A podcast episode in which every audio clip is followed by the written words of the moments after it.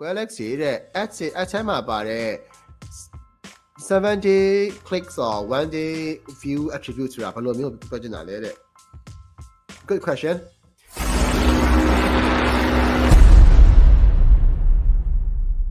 Galaxy တဲ့ ads အထဲမှာပါတဲ့7 day clicks or 1 day view attribute ဆိုတာဘယ်လိုမျိုးပြောချင်တာလဲတဲ့ Good question um okay အဲ့ဒီဟာဘာပြောရလဲဆိုတော့ attribution window ကိုဆိုလိုတာပါအဲ့တော့ attribution window ကိုပြောရရင်ကျွန်တော်နောက်မှာအာ attribution window ကိုပြောရမယ်ဆိုလို့ရှိရင် attribution window ကကျွန်တော်တို့ဘယ်လိုခေါ်မလဲအာဟောမှာမူတရားပေါ့နော်ကျွန်တော်တို့ကြော်ညာတစ်ခုကိုမြင်လိုက်တဲ့အချိန်ကနေစပြီးတော့မှကျွန်တော်တို့လို ရုပ်စေခြင်းနဲ့ action ကိုဘယ်အချိန်ဘယ်နေ့မှာလုပ်လဲဆိုတော့ပုံစံမျိုးကိုဒါ attribution window လို့ခေါ်ပါတယ်ဒါ media buyers တွေသိရမယ့်အချက်ပါအဲ့တော့ attribution window က okay ကျွန်တော် attribution window ဆိုရင်ထန်ထန်ထန်ထန်ပြီးတော့ on နေလို့ဘာမှမထူဘူးအဲ့တော့ကျွန်တော်ပုံလေးတစ်ပုံပြမယ်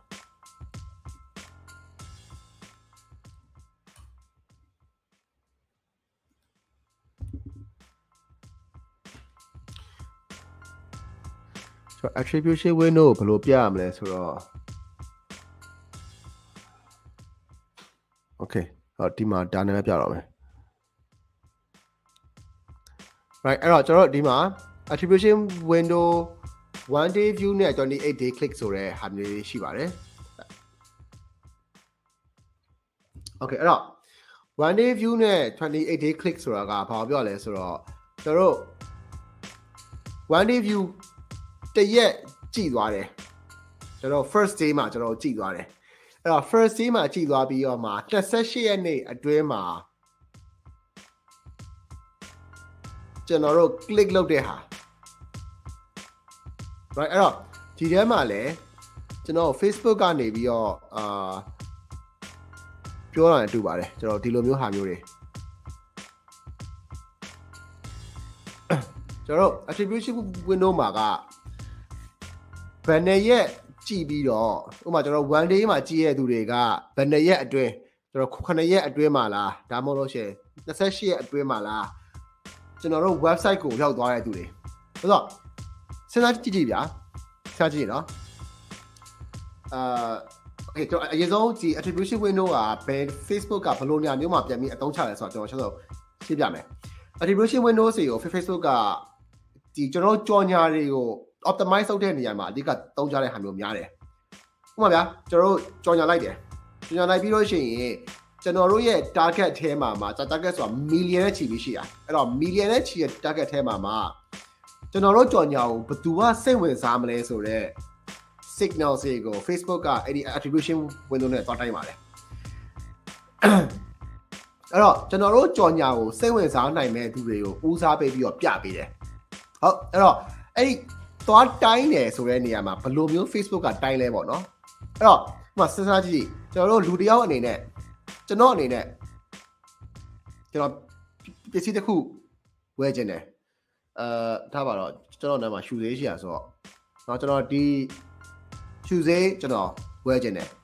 ပေမဲ့ကျွန်တော်ပထမနေ့မှာကျွန်တော်ကျွန်တော်လာပြတယ်ကြည့်လိုက်တယ်ကျွန်တော်ကြော်သွားတယ်ဒုတိယနေ့မှာကျွန်တော်လာပြတယ် ကြည့်လိုက်တယ် today view ကြော်သွားတယ်တတိယနေ့မှာမပြတော့ဘူးဒါပေမဲ့ကျွန်တော်နှာစီးလာလို့ right အဲ့တော့တတိယနေ့မှာနှာစီးလာတော့ကျွန်တော်က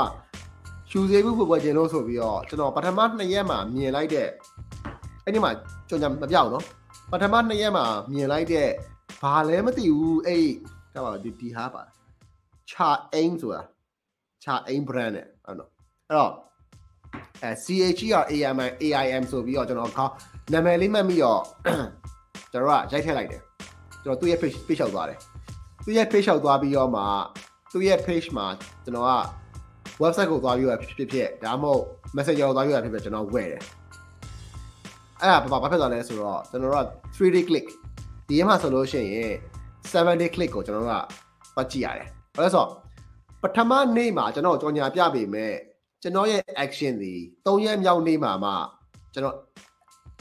လိုချင်တဲ့ result တစ်ခုပေးပေးတာ customer အနေနဲ့ right တော့ message ဆိုချင်တယ်ဆိုပြီးတော့ကျွန်တော် message ads တွေ run ပြတယ်အဲ့တော့ message ads တွေ run ပြတဲ့အချိန်မှာကျွန်တော်တို့က one day view one day click ဆိုလို့ရှိရင်ပထမနေ့မြင်တဲ့နေ့မှာ click မလုပ်သွားဘူးဆိုလို့ရှိရင်တတိလူကိုမပြတော့အဲ့တော့ Facebook ရဲ့ optimizations ကလည်းအရင်ကြီးချုပ်သွားနိုင်တယ်ဆိုတော့အနည်းဆုံးတော့ကျွန်တော်တို့အဲ့ကြောင့်အများကြီးဒီမှာပြောလို့ရှိတာက7 day click ကိုကျွန်တော်တို့ကဦးစားပေးလို့ရှိတယ်ဆိုတော့ကျွန်တော်တို့ပထမနေ့မှာကြော်ညာပြပေမဲ့ပထမနေ့မှာကြော်ညာပြပေမဲ့တော့နောက်ထပ်3ရက်လောက်နေတော့မှအဲ့ဒီ user ကခေါင်းထဲကပေါ်လာပြီးတော့ okay ငါ